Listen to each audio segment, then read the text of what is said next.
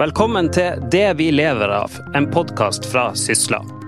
Mitt navn er Gerhard Flåten, og det du skal få høre nå, er et liveopptak fra Future Week på Media City i Bergen.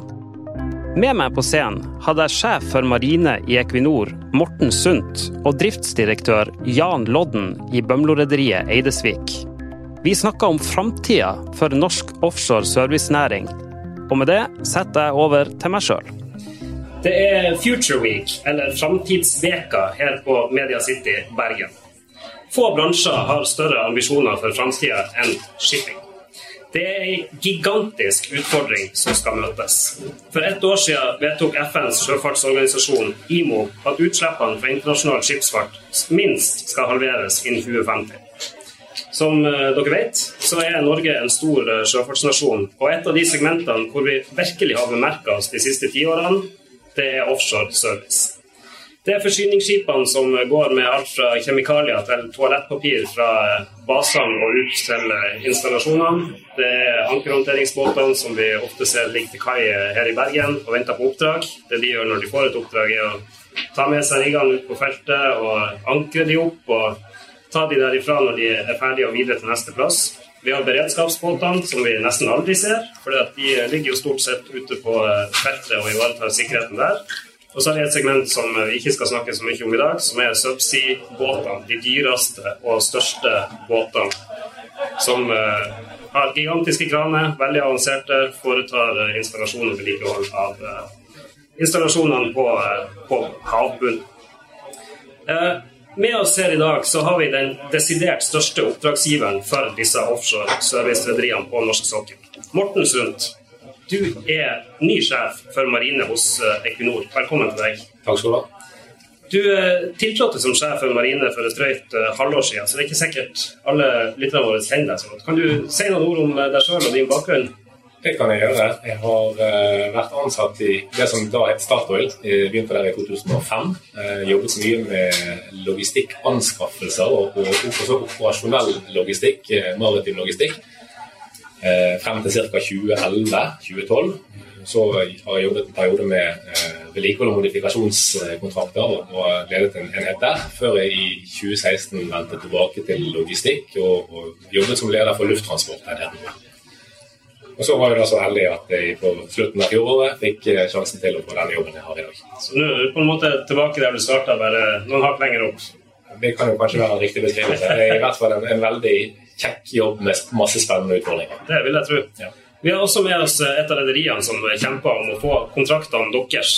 Driftsdirektør i Bømlo-rederiet Eidesvik, Jan Lodden. Velkommen til deg også. Takk skal du ha. Du har jo vært med en stund, så det er sikkert mange som, som kjenner deg. Men kan vi få en kjapp CV fra deg òg? Ja, bakgrunnen min jeg er kaptein av, av utdannelse.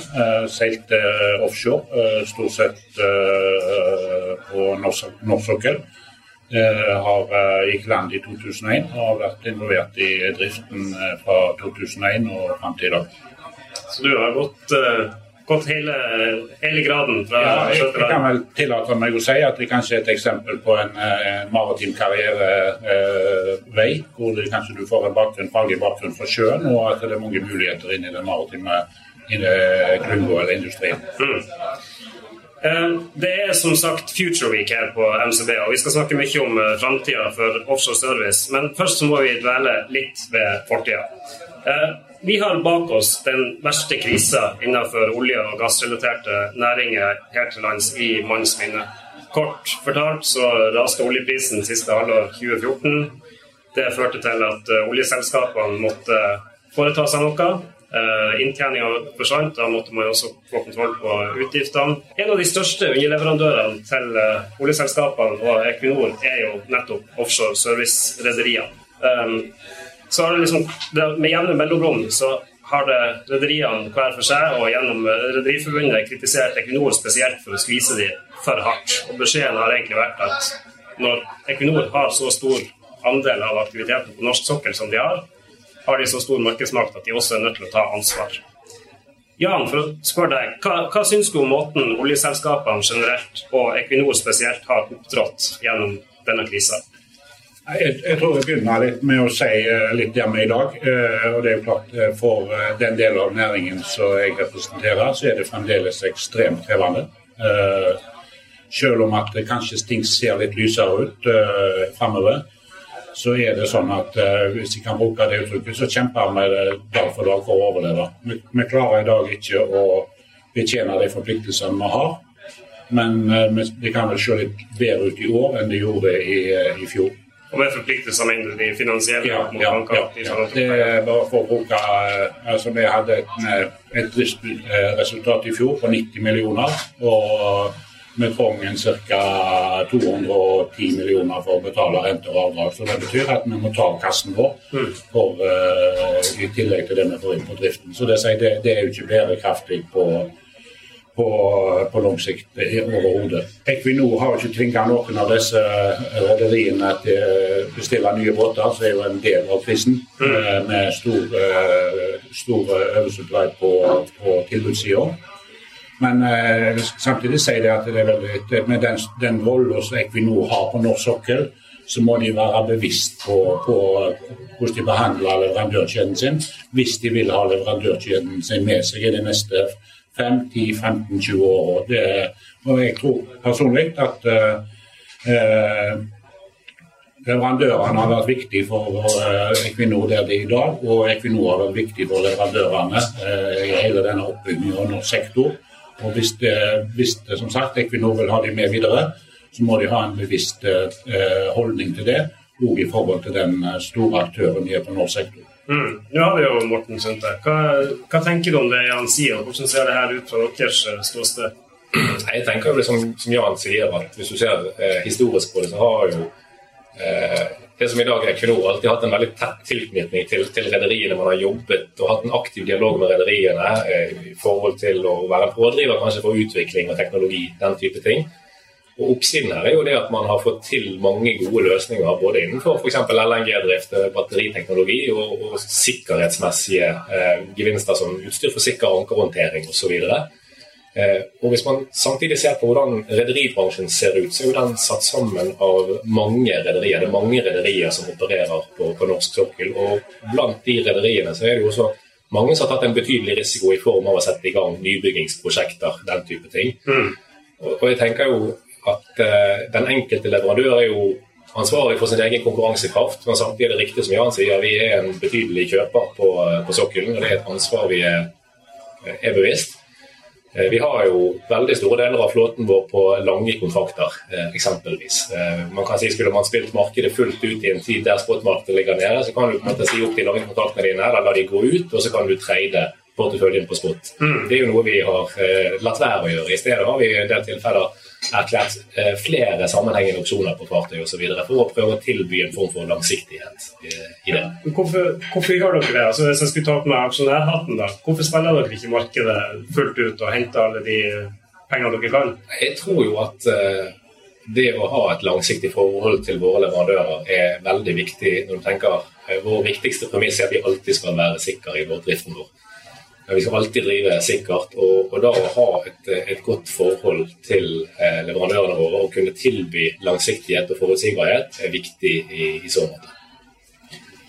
Ja, så, så, dette er på en måte det er et samspill der, der, dere mener at dere egentlig har lagt dere på ei fornuftig linje mellom å faktisk spare penger og sikre langsiktighet i næringa? Det er vårt utgangspunkt. ja. Men hvor, hvor viktig er det, er det, for dere at uh, denne næringa består, om ikke sånn som den er i dag, men uh, at, at, den er sunn? Vi er opptatt av at det skal være en, en sunn maritim, en levende maritim industri i Norge. Jeg pleier jo sånn enkelt å si at veldig ofte når du ser bilder av uh, offshoreinstallasjoner, så ser du minst ett fartøy på det bildet også. og Det sier noe om viktigheten til, til næringen. Mm. Eh, og så tenker jeg at markedet må selv kunne finne ut om det skal være 7-17-27 aktører i det markedet. Eh, for det å gå inn og tukle med et marked er ikke noe vi skal påta oss, tenker jeg. Hva tenkte du når du hørte dette, Jan? Nei, det så er jo tilbake til det som du sa tidligere. Det er jo klart at Hvis ikke eh, eh inntjeningen eh, blir bedre i de eh, norske rederiene som det er i dag, så, er det klart, så kan det jo være fare for at det kommer utenlandske aktører og kjøper opp disse rederiene.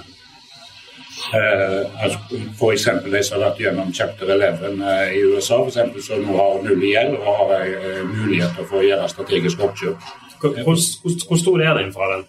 Nei, den, den, kan være, den, kan jo være, til stede uten at jeg kan se om han er 50 eller 60% men et selskap som Tidewater f.eks. uttaler jo offentlig at de ser på muligheter for å ekspandere virksomheten hvis de finner de rette selskapene. Så det, og de sitter sitter i dag med, med ca. null igjen. Og, og, i motsetning til de norske som ikke har den muligheten gjennom en gjeldssanering. Det hadde vært veldig interessant å snakke mer om dette. Altså, ja. de, de, har jo rett og slett utradert alt som aksjonærene hadde. Kreditorene har tatt over uh, hele selskapet, og de sitter i en posisjon ja, det stemmer. Ja. nesten nullgjeld versus det største rederiet i Norge, Solstad, som har nærmere 30 milliarder igjen. Så det er jo en betydelig, betydelig forskjell. Vi må, før vi kommer til uh, framtida, så er vi nødt til å snakke litt om nutida også. Du var inne på det Jan Rodden, i stad, hvordan det, det, ser ut hos dere. At dere fortsatt ikke tjener nok til at det er bærekraftig. bærekraftig unnskyld. Men uh, der er lyspunkter, er det ikke det?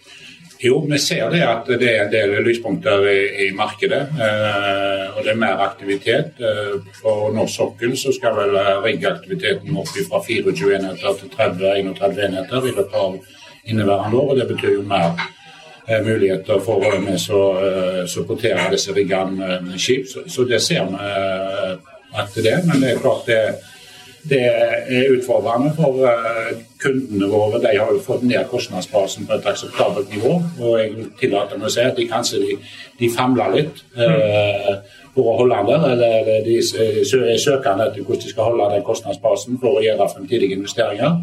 Og vi der sitter med leverandørindustri hvor, eh, eh, hvor omsetningen må opp, eller inntjeningen må opp. Så det er jo klart, det, det er jo, eh, kan være litt krevende. Dere har syv supply-båter. Ja, det stemmer. Og du, eh, dere tar faktisk den siste ut av opplag nå? Vi tar den siste ut av opplag nå.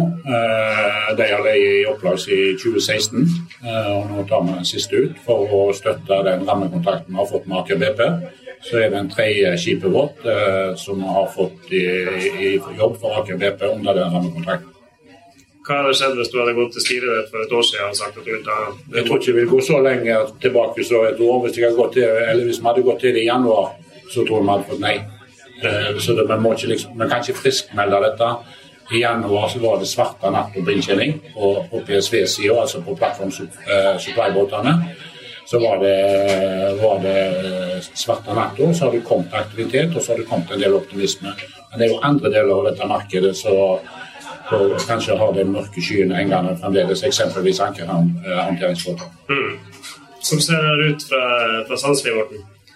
Nei, vi ser, vi ser, jo det samme bildet som, som, Jan ser. Vi ser at uh, aktivitetsnivået er på vei opp. Og vi ser det at uh, noen fartøy kommer ut av opplag, og at uh, ser jo også sånn som spotrater på, på supply er steget betydelig. Det var kanskje på tide, vil jeg si. På det laveste tror jeg en, en PSV gikk for 19.500 i, per dag, eller noe sånt. Jeg tror du har rett i det. og det er jo ikke en bærekraftig rate. Det tror jeg alle kan være enig i. Men eh, er vi, eh, er vi, på et bærekraftig sted nå? Jeg tror det er riktig sånn som Jan sier, at uh, man må se helheten i dette her. Og, og for, hvis man ser hvis jeg prøver å ta på meg et, et rederibriller, så tenker jeg jo at det er vel tegn til lysning, men det er for tidlig å, å si om uh, markedet har stabilisert seg eller, eller ikke. Mm. Så er det nok riktig som Jan også sier, at det, det er vel forskjell på eh, supply-markedet og f.eks. ankehandteringsmarkedet. Er det riktig som Jan sier, at dere eh, har, har famla litt for å finne på en måte riktig nivå her? Ja, altså det som vi eh, er avhengig av, er å ha et kostnadsnivå som gjør det forsvarlig å, å kunne få til en fortsatt drift i fremtiden på, på norsk sokkel. Og vi har fått til en god del eh, gode tiltak, og så må vi bare prøve å holde oss på den dietten. Mm. Eh, og eh, ikke la det skli ut, for å si det sånn. Eh, og så er det jo det at de løsningene vi må komme frem til på lang sikt, det er jo bedre utnyttelse av fartøy, god planlegging, de må være effektive eh, osv. Så eh, sånn at eh, ja, når, når vi, Fortrinnsvis skal, skal, jo vi seile når båten er full, og bruke den effektivt. Det tar oss jo elegant over i uh, framtida, egentlig. Dere i uh, Equinor har satt enda mer ambisiøse mål enn uh, IMO har for utslippsreduksjon. Dere skal ha en såkalt aktivitetsjustert utslippsreduksjon på 50% fra 2011-nivå innen 2030. Det stemmer, det er ambisjonen vår å prøve å få det til. Så har vi jobbet aktivt med, med en del tiltak der. Og så er vi kommet et godt stykke på vei. Men det gjenstår fremdeles mye. og det er vel ca. 4000 dager igjen til 2030, eh, så eh, vi jobber med det hver dag. Hvordan skal dere gjøre det? Vær så konkret som mulig. Så langt dit vi har kommet i dag, eh, der må vi jo si at det er veldig mye godt sjømannskap og gode si, motiverte mannskaper som er engasjert i å seile fartøyene sine mest mulig drivstoffeffektivt. Det har kommet en veldig bevissthet rundt det. Det merker man når man kommer om bord på fartøy eh, osv. Det, er en veldig sånn driv etter å kunne seile så grønt som mulig. Eh, og Så handler det jo selvfølgelig om å eh, utnytte ressursene eh, best mulig. Eh, den mest miljøvennlige seilingen vi kan gjøre, er den vi ikke gjør. for å si det sånn. Så, så det å dele ressurser eh, Eksempel på det kan være i Sandnessjøen, der vi seiler sammen med Aker BP, som forsyner våre installasjoner sammen med deres, eh, osv. Og så har vi jo fått inn eh, batteriteknologi, den type ting. Landstrøm på fartøyene våre tar en god del. Eh, og så er det spennende å se hva fremtiden vil bringe. For eh, der, der, eh, ja, det er mange teknologiske løsninger og, og sånn som vurderes. Eh, men eh, ja, vi, vi, må rett og slett klare å dra oss et par knepp til opp for å, å nå det målet på 50 kan du si litt om det? Altså, dette som dere har på diskusjonsnivå. Hvor, hvor, crazy er den villeste ideen som har blitt lansert i Vi har jo en visjon om at vi skal kunne ha et nullutslippsfartøy. Eller at det skal kunne finnes nullutslippsfartøy. Eh, det, det har vi. Og så er veien dit ikke helt klar, men, men det er en tanke vi arbeider med. Hmm. Hva tror du, Jan? Nei, Jeg eh, tror jeg vil vente litt med framtida, så kan jeg se litt om nåtida. Eh, vi har jo vært i lag med, med, med Statoil og nå Equinor til, til, å bygge dette så stein på stein. Eh, uten, eh, vi setter vår første LNG-båt i drift i lag med den gang Statoil i 2003. Eh, og i Eidesvik har vi vært veldig klar på at uh, dette må vi bygge stein på stein. og da er sjefen min han sier det, det var ikke Apollo 1 som landa på månen. Så, så det, og Der ser vi en utvikling. Vi har gjort med LNG så får du reduksjon på CO2 med 15-20% Vi har nå eh, I desember så setter vi i drift vår femte hybridskip, altså etterinstallering av batteri. Så vi ser vi kan ta en, en 12-17% reduksjon på, på, batteri.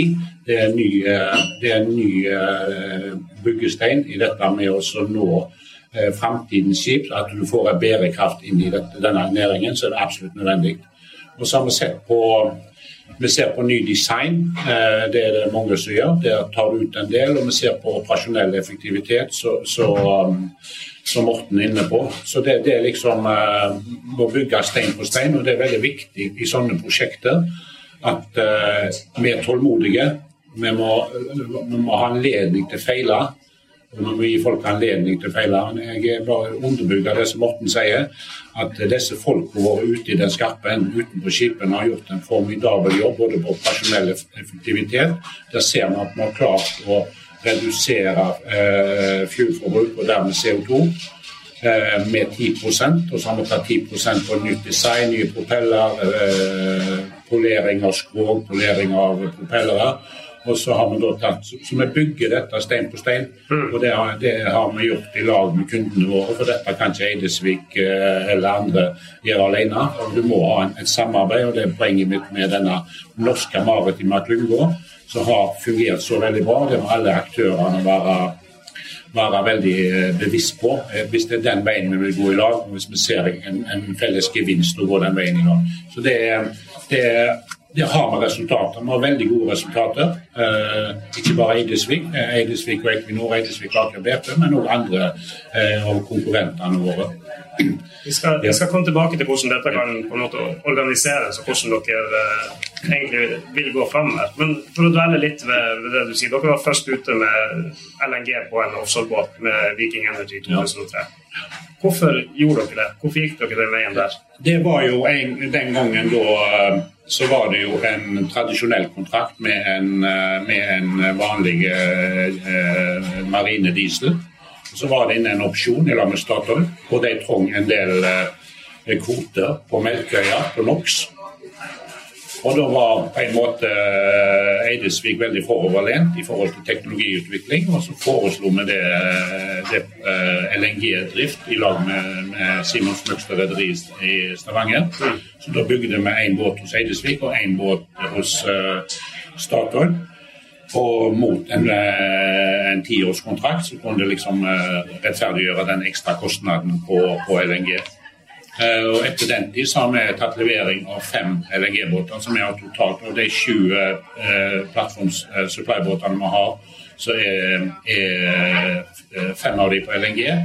Og ytterligere så har vi oppgradert fire av de med batteri. Og vi jobber jo kontinuerlig eh, med nye batteriinstallasjoner på de som ikke har det.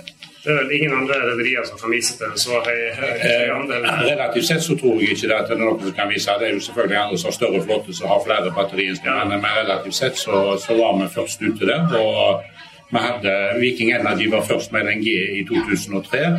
Og var den første eh, eh, offshorebåten som fikk klassenotasjon Battery Power i 2016. Så det på en måte med samme båten så nådde vi to milepæler med den båten. og Det var i samarbeid med med Enova, eh, NOx-fondet og Equinor. Eh, vi fikk dette eh, sammen til å bli en kommersiell pakke, så vi fikk godkjenning av, av styret. Enova er jo statlige penger. NOx er vel NHO sitt fond. Hvor viktig har disse vært for De har vært viktige, og de er viktige. Og for Framia nå så er vi avhengig av den type støtte for å få, få økonomisk det økonomiske at det går i, sammen på, på dem. Men Enova har jo redusert støtten sin fra 45% til 30 men, men vi, klarer å regne disse investeringene hjem. Ja, Det virker som de anser batteripakke på offshorebåt som så moden at De, det virker som de ikke føler at uh, de trenger å være inne der. ja, det stemmer. De begynte på, altså, på ny teknologi på, med 45% tilskudd på installasjon, og nå er det vel 30 eh, de gir til batteriinstallasjon. Mm. Altså det er hyllevare.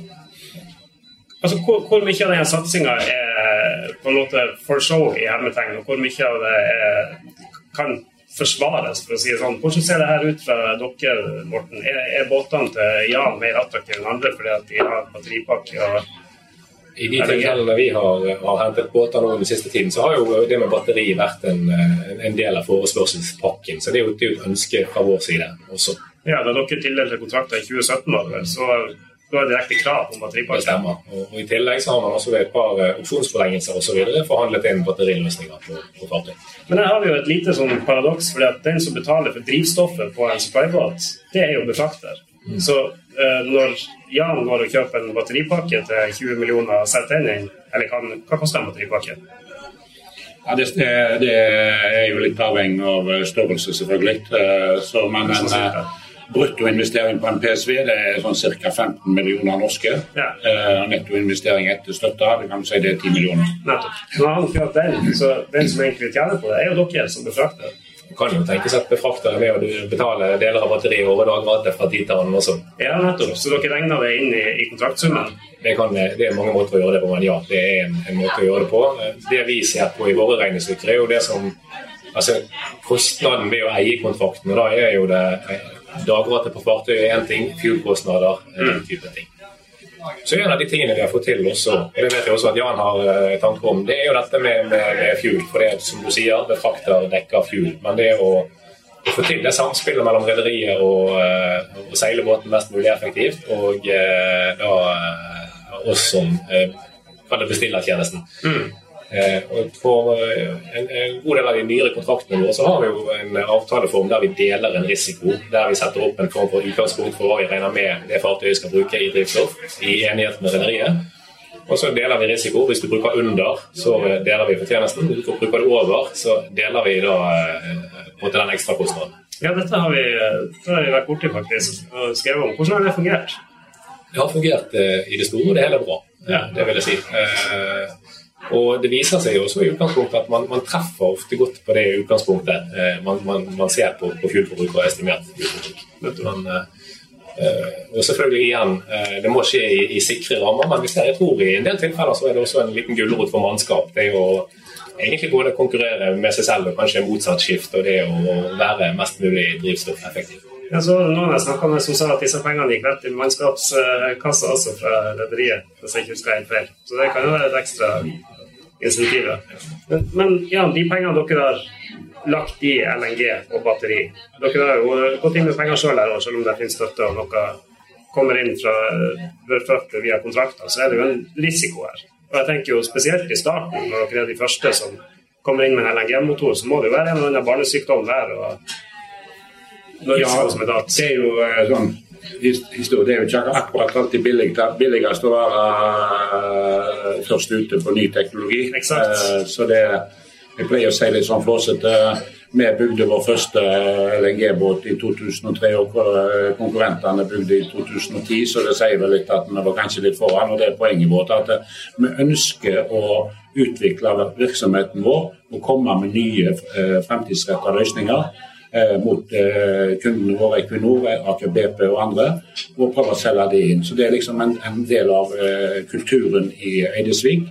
Og at vi skal snu de steinene som er mulig å snu, det, det, er liksom den driven vi har. og eh, det har vært gjort en fantastisk jobb ute på båtene våre, både med LNG. Og det har ikke vært problemfritt fra fra dag én, men folk har vist veldig eh, gode holdninger til å holde dette i gang. Og si at ok, dette fikser vi, og så prøver vi litt her og litt der. og så nå er, nå, nå er ikke LNG-drift noe issue overhodet. Nei, kan, kan, du si litt om sånn kjapt jeg vet Her kan du grave deg ned i tekniske detaljer, så blir det sittende her. Men eh, hva er på en måte de problemene som oppstår når du er en first mover? Det, litt, det, går på styring, det går litt på mekaniske ting, så man måtte prøve å feile litt på, på den første hva si, en periode på to år. Men det er det som sier, vi må være tålmodige når vi skal teste ut uh, ny teknologi. Hvis vi summerer dette opp nå, nå er, er, Viking Energy 17-18 år, mm. så, så, totalsummen er jo så, vet, så ser vi det at vi gjorde et godt valg i 2003 når vi satte den båten i drift. Vi hadde en del oppstartsutfordringer, men nå får vi se om vi får redusert vedlikehold pga. at LNG er et renere drivstoff enn diesel, og en del sånne positive ting som ikke var obs på begynne. Ja, nettopp. Så det ser dere når båten er såpass gammel. Ja, ja. Men har dere fått igjen de pengene som dere har investert i det her? Det vil jo alltid være uh, vurderinger på, men vi mener vi gjorde en god investering når vi bygde, bygde Viking Energy, og vi fulgte på med de andre skipene. Men LNG isolert sett har jo på en måte floppa litt i Norge. Ja, det må man jo kunne si. Ja, mens uh, resten av verden kommer jo nå for fullt med LNG på, på shorts, eller på, på noen småskipsfart. Og for å møte de nye IMO-reglene, så ser vi jo at den, det har fått et løft utenom Norge, som vi håper vi klarer å å få liv i det igjen òg i Norge ja. uh, med LNG. At det skal få sin renessanse, rett og slett? Det skal komme opp uh, som et alternativt drivstoff. Ja, fordi de båtene som har LNG som drift, det er jo dual fuel, så de kan jo også gå på marin diesel? Ja, vi har valgt dual fuel. Det finnes andre motorer og applikasjoner som kunne ha f.eks. to LNG og to vanlige, men vi har valgt dual fuel, sånn at vi har friheten til å operere de områder som ikke har tilgang på LNG. Hvor mye har de gått på LNG? da? Eh, vi ligger på norsk sektor så ligger vi vel på 90-92 eh, av energiomsetning på LNG. Eh, I Norge er det ikke noe, lenger noen utfordringer med tilgang på LNG. Når vi hadde Viking Energy, så var det to fyllinger på, for LNG, men nå er hele norskekysten utbygd for leveranse av LNG, så det er ikke noe issue lenger. Mm. Hvis dere måtte valget mellom en LNG-båt og en båt som ikke har den muligheten. Vil dere alltid ta LNG-båten? Det har jo historien vist at vi har vel valgt både LNG og, og marin diesel. Eh, så er det jo sånn som Jan sier, det er jo heller ikke bygget veldig mange båter for, for LNG-drift eh, i dag. Det som jeg synes, eh, bare for å gå tilbake igjen til det som Jan sa litt i sted, det å drive forbedringen stegvis fremover, det tror jeg er veldig riktig. Eh, for eh, man får ikke til altså Det kvantespranget skjer ikke over natten uansett. og Det et veldig godt eksempel er Viking Energy, som fremdeles nå seiler hos oss, som er som du sier, 17-18 år gammel. Mm. og, og med tanke på de målene vi har frem mot 2030, så er det jo ikke usannsynlig at en del av de fartøyene som er hos oss i dag, kanskje også seiler for oss i, i 2030. Så det å tenke forbedring i det daglige på kort og, og mellomlang horisont, samtidig som man har den visjonen i hodet om, om hva, hva, skal dette se ut, hvordan skal dette se ut i fremtiden, det er viktig. for Levetiden på et uh, offshoreskip kan jo sikkert fort være opp mot 25 år på, på norsk sokkel i mange tilfeller. Så La oss snakke litt om, om dette. Eh, hvordan skal dette gjøres? Altså, Nå har dere vært egentlig forbilledlig konkrete i hva som, hva som, har skjedd så langt. Men det som du sier, er et kvantesprang som skal gjennomføres her. Du sa, eh, jeg mener du sa at dere var noen og 20 på vei til å nå de utslippsreduksjonene dere ville. Ja, vi ligger vel i dag mellom 26 og 28 i forhold til det 2011-utgangspunktet vårt. Så dere har egentlig kommet langt? Vi har kommet et godt stykke. Men, eh, men så er hvordan tar du de siste. Hvordan tar du de siste? Ja. Og der tenker jeg jo igjen det eh, å ha et godt samarbeid med bransjen. Eh, så må vi kanskje tenke samarbeid på en litt annen måte fremover enn det vi har gjort eh, tidligere. På mange måter. Eh, Hva vil jeg si? Nei, jeg, tenker, jeg pleier å si for sånn jeg vet ikke, ti år siden, så da gikk det veldig kort tid mellom hver gang det var en skipsdesigner eller en reder eller en megler som kom på besøk og, og, ville vise hva de tenkte å bygge og den type ting. Og så tok egentlig markedet hånd om resten. Det var lett å få finansiering, det var, det var lett å drive utvikling. Det er jo kanskje også litt av resultatet for, eller konsekvensen eller det som det ligger til grunn for hvorfor bransjen har havnet der den er i dag. Så, så, og der, men hvordan vi skal ta dette videre fremover Vi er veldig åpne for innspill, dialog. Vi har noen tanker selv. Men, la meg stoppe deg litt der. Altså, det du mener da, er at en, en leder kom til Statoil og sa jeg vil bygge den båten her. Banken sto klar til å finansiere dette, og så bare, så bare gjorde man det på en måte? Hva reder gjorde, det skal jeg ikke svare på. Men, men eh, si vi, vi, ønsker jo å være mer enn en sånn rent transaksjonell kjøper av fartøystjenester. Vi ønsker å være en, en viktig medspiller eh, til den maritime industrien. og Det innebærer at vi sitter på en del kompetanse internt. Eh, som vi bruker eh, i, i, samarbeidet med bransjen. og Vi har prøvd å ha en så åpen dør som mulig når, når redere eh, ser for seg nye løsninger. Eh, og Ha en uforpliktende diskusjon eh, osv. Og, og ha en åpen dør, som, så at enhver en som driver et kvalifisert rederi på eh, vil kunne ha den muligheten. Mm. Eh, og så, videre. og så har jo som sagt Tidligere gikk jo dette mer av seg selv, eh, og man fikk kanskje også en overetablering av fartøy. Så hvordan vi kan, samtidig ha den gode og tette dialogen med aktørene på, på rederisiden og designsiden, og, og få frem eh, morgendagens teknologier eh, videre. Eh, der er vi jo kanskje litt i en brytningstid nå, så får vi se hvordan hvis pilene peker oppover eh, både for, for bransjen jeg representerer og, og Jan sin bransje. Eh, så, så, er det jo forhåpentligvis rom for å kunne gjøre noe derfra. Hva tenker du om det? Den utfordringen som ligger foran oss i forhold til nå FN sitt klimamål inn mot 2050, den er så stor at den er det ingen enkelt aktør som kan løse alene. Det, det, det er helt sånn Eh, og Det tror jeg det er viktig at både myndigheter, eh, eh, disse industrimiljøene våre, klasse, aktørene i, i leverandørindustrien og, og, kundene må sette seg sammen og samarbeide på en helt annen måte enn hva vi har gjort når vi kom opp med en LNG-løsning, som er for så vidt veldig lite. Men denne utfordringen er kjempestor. Altså, Vi skal redusere utslipp eh, Eh, på, på FN-målet eh, fra 2008-mål eh, med 50% på 20, mot 2050. Mm. Og samtidig vet vi at uh, shipping kommer til å stige med 60% så det betyr at uh, reduksjonen må ned med 70-80% i denne perioden vi har før oss. Så, så det, det, det, er formidabelt, uh, det som må gjøres. Men det må, vi må jobbe sammen eh, nasjonalt eller internasjonalt på en helt annen måte enn kan du sitte på en, eh, en plass nede på Vestlandet og, og finne ut. Det, det, klarer vi ikke å løse alene. Jeg prøver å male dette litt for meg. Så hvordan vil det se ut? Det er, jo, det er en veldig grei ting å si at vi må samarbeide annerledes. Men har dere noen konkrete ideer? Jeg tror at vi, altså, myndighetene må inn. Eh, vi må jobbe i vår Hva skal myndighetene gjøre? Vi må komme inn og kanskje snu eh, Det som jeg tror er veldig viktig, det er at eh, du må premiere green, eller de grønne operasjonene. Og så må du skattlegge de som har utslipp. Ja. Det tror jeg. Og der provenyet på det, det må gå inn i f.eks. det tilsvarende NOx-fond, i et CO2-fond, som blir øremerka til midler tilbake til å utvikle dette uh, grønnere skipsfart. Mm. Det, tror jeg er helt fundamentalt. at Du må, ha en ny uh, forretningsmodell. Og vi er jo veldig skuffa over myndighetene som setter f.eks. CO2-avgift på LNG.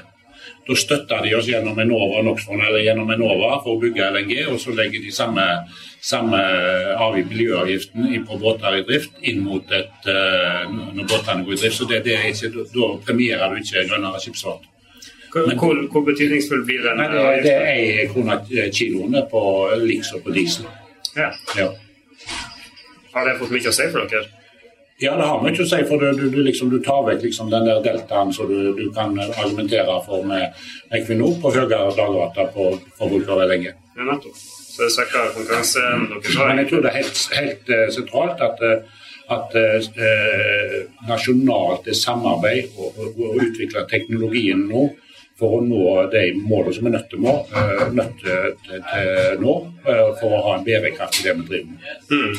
Og Da tror jeg det må satses veldig mye på forskning og utvikling. Det vil være viktige bidragsytere inn i dette. Og fremtidige energikildebærere, det, det, det, er ingen som har noe sånn klart uh, svar på i dag. Men de sier jo at uh, de som vi har prognoser, at det kanskje er 50% av energiomsetningen kommer til å bli elektrisk fra 2050. Og næringen ser jo på hydrogen.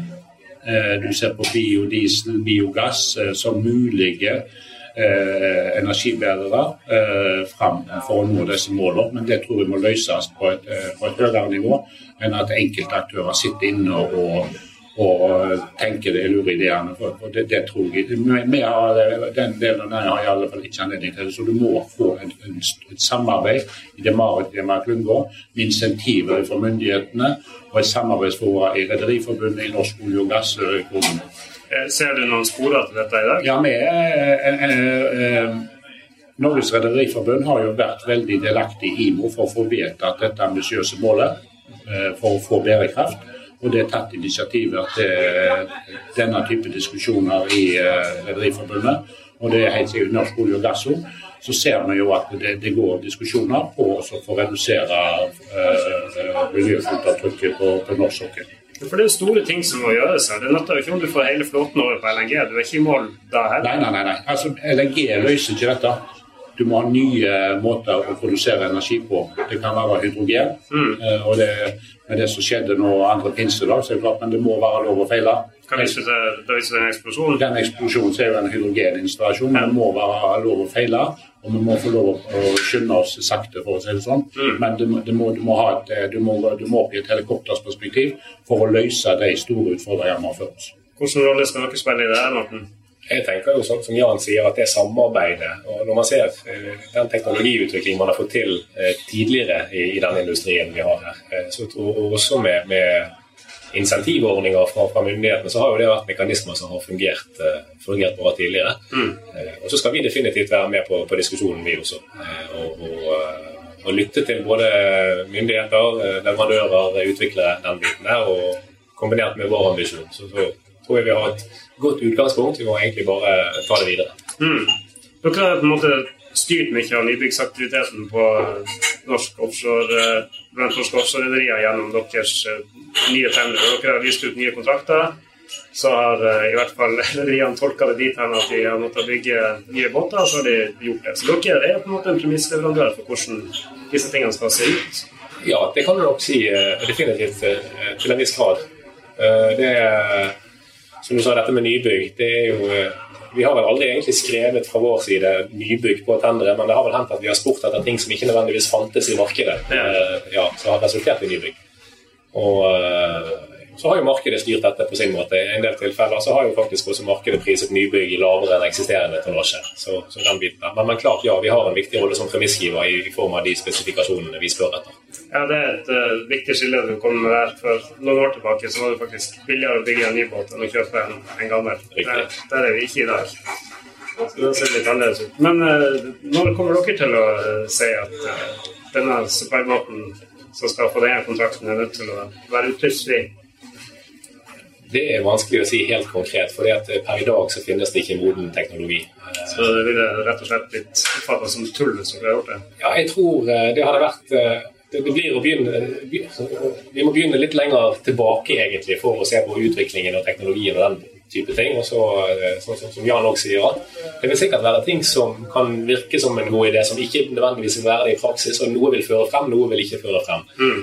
Og, eh, og den måtte la industrien prøve å feile, det tror jeg er fornuftig. Jeg ser jo en del av de spesifikasjonene vi har hatt fra tidligere. Det er jo ting vi har spesifisert inn på fartøy som Kanskje var mer lurt enn andre ting vi har spesifisert inn. Kom med eksempler. Nei, Jeg skal ikke komme med konkrete eksempler her, men jeg ser vi har jo hatt utstyr på enkelte fartøy som har vært lite i bruk. Eh, den type ting, men har, eh, Tanken har vært god, og det er på en måte å prøve det, det handler jo om det der, Skal du få til utvikling, så noen ganger så lykkes du mer enn andre ganger. Mm. Men prøve å feile koster penger. Hvem skal betale? Det gjør det, og det, det ser vi jo. og eh, da handler det jo om egentlig igjen hele pakken. Hvordan får du til dette med utvikling? Hvordan får du til eh, støtteordninger, eventuelt eh, insentivordninger, den biten der. Og så skal, eh, skal, vi også være med og, og se på eh, hva som eh, kan være mulig å få til. Den eldste båten dere har på kontrakt nå, er Nei, nyeste, mener jeg, er fem år gammel. Det stemmer. Det må være en litt uvant situasjon å være i. Vi har vel kanskje noen som er et par år yngre, men i alle fall i hovedsak den, de, de, de, nyeste båtene våre i flåten de eh, ligger stort sett inne til eh, femårsklassing i disse dager. Ja, Med overflod av, eh, av offshorebåter så har det ikke vært bygd en, en eneste en de siste, siste årene. Men der kan det faktisk skje ting, ryktes det hos dere. Vi ser jo hele tiden på, på, nye ting. og Det som konkret ligger måte, det nærmeste prosjektet vi ser på nå i form av, av fartøy og, den biten, er jo eh, Johan Castberg som skal ha en beredskapsløsning. og Når vi sier beredskapsløsning, så tenker vi egentlig kombinasjonen altså Du har eh, søk- og redningshelikopter, du har fartøy, du har eh, personellressurser, den type ting. Men ja, det skal, det skal et, eh, en løsning på plass for Johan Castberg på et tidspunkt. Det skal rett og slett eh, kanskje bygges en båt som skal inn i områdeberedskap? Eh. Det er i alle fall meget sannsynlig at det vil komme en forespørsel i markedet. Dette tror jeg jo mange vil sette pris på. Her. Lenge siden sist. Det er jo en, en, god stund siden sist. Og så er det jo igjen den samhandlingen med markedet. Nå snakker vi om, om, om et beredskapskonsept, så er det jo uh, egentlig ganske få rederier per i dag som arbeider aktivt i det uh, segmentet. Så det blir spennende å se hvordan et marked responderer på, mm. dette.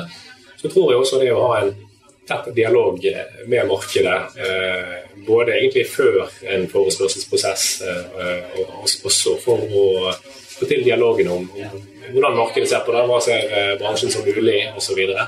Så, så har vi selvfølgelig et sett med spesifikasjoner som det fartøyet vi skulle dekke i form av beredskapskrav osv. Fortell litt om det. Hvordan skal denne båten se ut?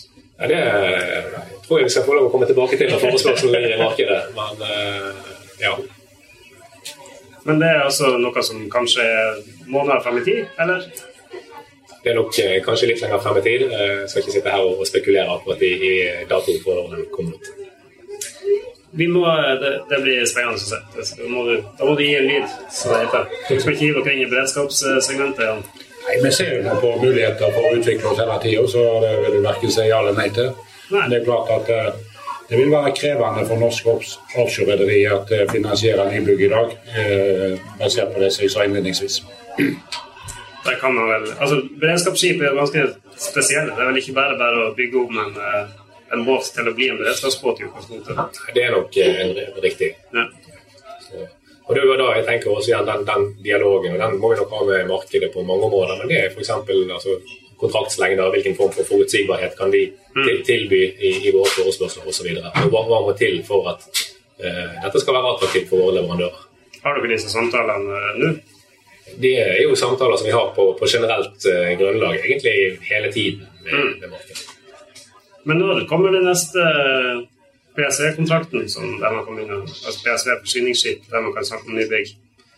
Det skal jeg ikke sitte og, og spekulere i her heller. Det er jo her, Inntil ganske nylig så har jo markedet for forsyningsskip vært det har vært et godt tilbud i markedet.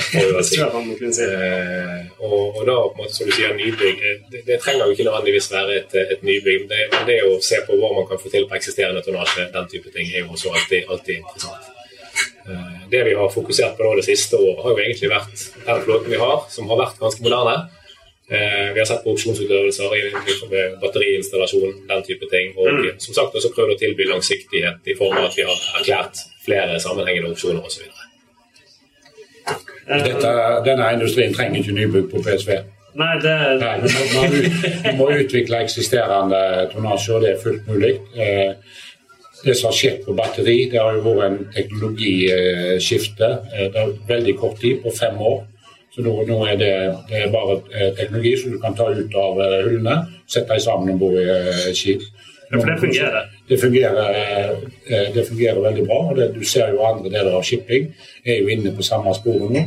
Cruisenæringen er jo den som altså, Cruisenæringen eh, forurenser ca. fire ganger mer. Eh, altså flytrafikken måler de eh, passasjerer eh, som flytter seg én kilometer og Der ser du at der uh, snakker de om batteri nå for å gå inn i sårbare områder, altså Geirangerfjorden eksempelvis. Mm. Så jeg tror det er viktig at du konsentrerer seg om teknologiutvikling i forhold til nå bærekraftmålene med FN i uh, 2050 og 2030, eh, framfor å bruke tida på nybygg. For du kan, Vi har gjort retrofit på, på batteri og eksisterende tonnasje. Det er fullt ut mulig, og du får akkurat samme gevinsten.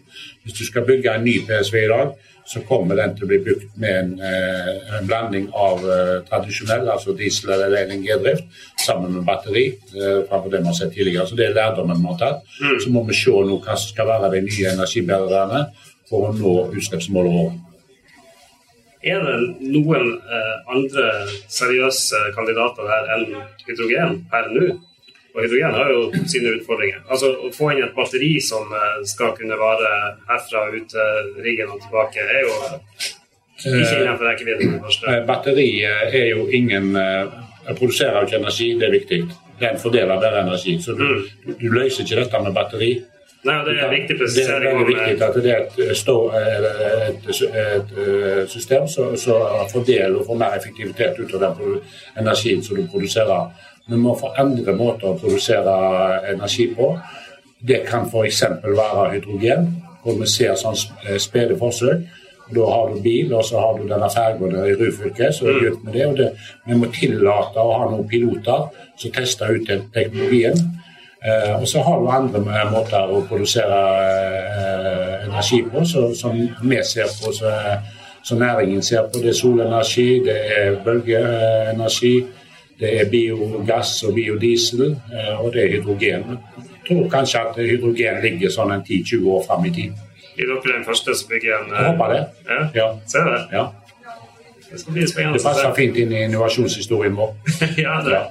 er jeg enig om.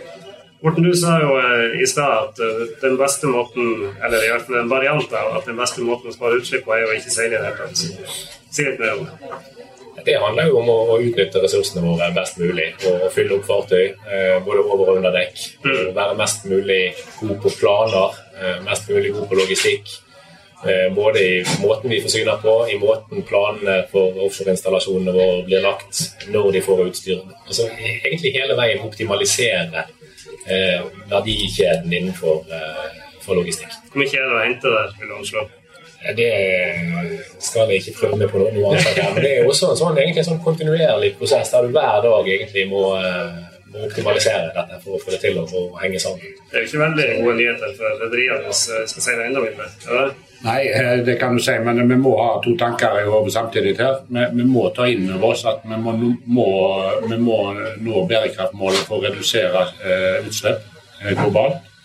Og så skal vi selvfølgelig ivareta den daglige driften. Et viktig hjelpemiddel som er på en måte et hypa og alle snakker om, uh, om, digitalisering og maskinlæring og alt dette.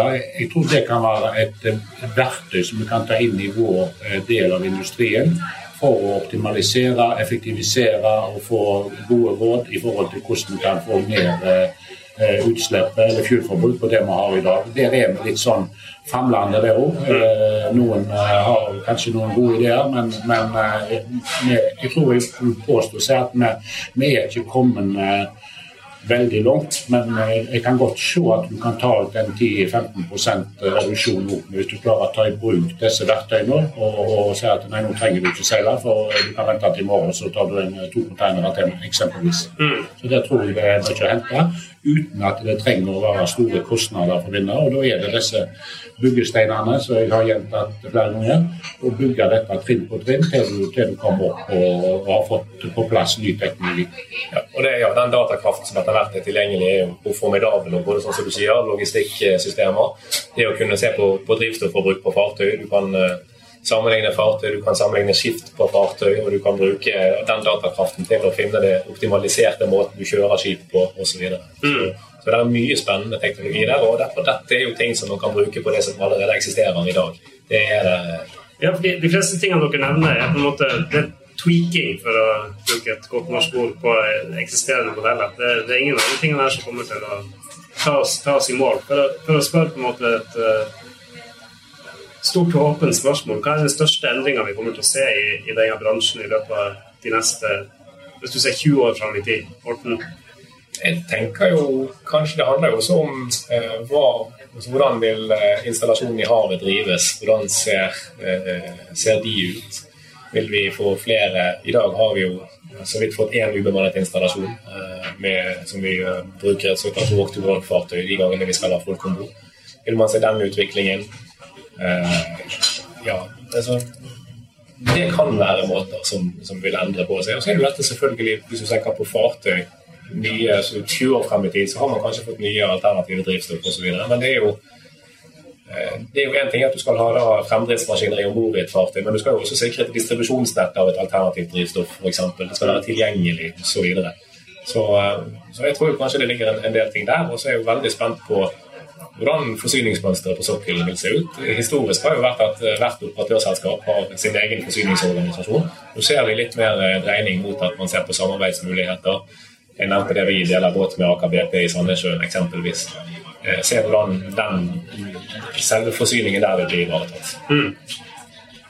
Det første du sa, vil jo endre ting dramatisk hvis vi ikke skal på mange plattformer lenger. Det er jo fartøy redusert voldsomt. Det vil nok eh, definitivt være bemannede plattformer også, men vi, vi, ser jo det at ubemannede drømmehodeplattformer som Oseberg Vestflanken er jo, en, er jo noe som er nytt på norsk sokkel, men det finnes jo eh, mange andre steder. Mm. Eh, dette er jo utenfor mitt daglige fagfelt, så eh, her skal ikke jeg si veldig mye mer om det, tror jeg. Vi skal stoppe der. Jan, hvordan 20 eh, år fram, hva er den største endringa? Nei, jeg tror altså, Teknologien har, har uh, utvikla seg sånn som har løst en del av disse utfordringene vi har snakket om. Uh, og vi ser jo, Det er jo spennende å snakke med ungdommer uh, om dette. og det, Vi ser jo f.eks. nå med, med Equinor så, så som planlegge planlegger utbygging av vindmøller på Tampen. Og alle disse eh, stasjonene. Det er jo, ikke noen teknologisk i veien for at du kan ha en ladestasjon f.eks. et beredskapsfartøy så du kan gå bort og plugge i, og så har du et eh, nullutslippsfartøy. Det er jo sånne scenarioer så når du ser i enkelte veldig unge og spennende miljøer, sammen her på vindparken, da har du nullutslipp. Det er, er ting som helt sikkert kommer til å bli jobba med mer framover. Det er jo på en god måte, Der kan man bruke den kompetansen og erfaringen man har, til å dra det videre inn i det fornybare segmentet. For det jeg lurer på, altså Dersom det scenarioet som du i hvert fall eh, skisserer litt, eh, slår inn, da, hvis behovet for fartøy skulle gå dramatisk ned, hva gjør et offshorerederi da? Men vi har jo hatt kontinuerlig omstilling siden vi var starta i 65, så, det, det, tror jeg vi er i stand til. Eh, å finne alternative eh, tjenester. Så det, det, det, tror ikke vi skal bekymre oss så mye. Dette her kommer til å gå sakte, eh, sikkert. Men vi må forholde oss til de bærekraftmålene som vi ser i forbindelse med global oppvarming. Ellers får vi ikke lov å drive med noen ting uten norsk sokkel. Så da er vi i alle fall uten operasjoner det, det, tror jeg er viktig å, å ta det inn over seg nå. at eh, det, det er vi nødt til, også industri som er nødt til å møte de utfordringene vi har. Og Det må vi jobbe med teknologisk for å komme fram til det som teknologien. Og så må vi kanskje finne andre måter å gjøre ting på Så f.eks. på subsea-operasjoner så ser vi jo det at det går Det blir jo mer automatisert, og vi ser jo enkelte eh, autonome løsninger som de tester ut som piloter nå. Det, kommer til å bli eh, masse av dette framover. Og med det må vi, skal vi være med, på dette, så må vi følge med i timen. Du nevnte jo et av tiltakene eh, dere har gjort, dette med er ROV. At dere ikke lenger er avhengig av båter som har ROV-hangar om bord, men kan sette om bord en container på jeg vet ikke, en supply-båt og styre alt dette på land. Den EROV-en er jo et sånt konsept. der, der det, du har, det er jo en, en, en liten ROV som man styrer fra et kontrollrom på land. Mm. Og så setter man egentlig enkelt sagt setter man den fra seg på sjøbunnen som en, sånn, nesten som en robotgressklipper som da rusler ut av hangaren sin og gjør det den skal, og så kan så blir den da kjørt inn igjen i hangaren sin. Kan da flyttes videre med et fartøy ved en senere anledning når det skal til. Dette krever jo betydelig mindre av fartøyet det er jo, ja, det er jo definitivt en, en, omstilling. og jeg tror jo det som Jan er inne på at uh, Når man ser sånn generelt på næringslivet, så er de bedriftene som overlever, det er jo de som evner å omstille seg og se nye muligheter, og, og ikke henger for fast i, i de gamle. Mm. Og der har jo egentlig også uh, mange av de norske rederiene, som jeg har sett fra utsiden, evnet å på en måte ta den utviklingen videre. Dere snakker varmt om eh, samarbeid som, som viktig begge to. Kommer dere til å snakke mye sammen framover? Eh, Equinor har vært eh, kunden til Eidesvik i 42 år, og jeg håper vi ser eh, flere tiår framover. Så svar på det ja. Ja, det ser jeg også ingen grunn til at det ikke skal være sånn. Er, jeg tenker som jeg sa i sted at vi skal være mer enn en ren transaksjonell kjøper av fartøystjenester. Vi ønsker å være en del av en, av en næring på den siden også. Eh, og Det betyr at i mange tilfeller så tenker jeg vi har mange fellesnevnere eh, i Equinor og rederiene våre. Og så er vi jo selvfølgelig enkelte ganger har vi kanskje noen kryssende interesser i form av at vi er en kjøper av en tjeneste som rederiene selger. Mm. Men, men, i all hovedsak så, så fra mitt ståsted så har vi et veldig godt og åpent samarbeid med, med leverandørene og det er vi tjent med. Det tusen alle kommer til å gå herfra som venner. Ja. Det var dessverre det vi rakk. Tusen takk for at dere kom, Morten Sundt og Jan Lodden. Takk. takk.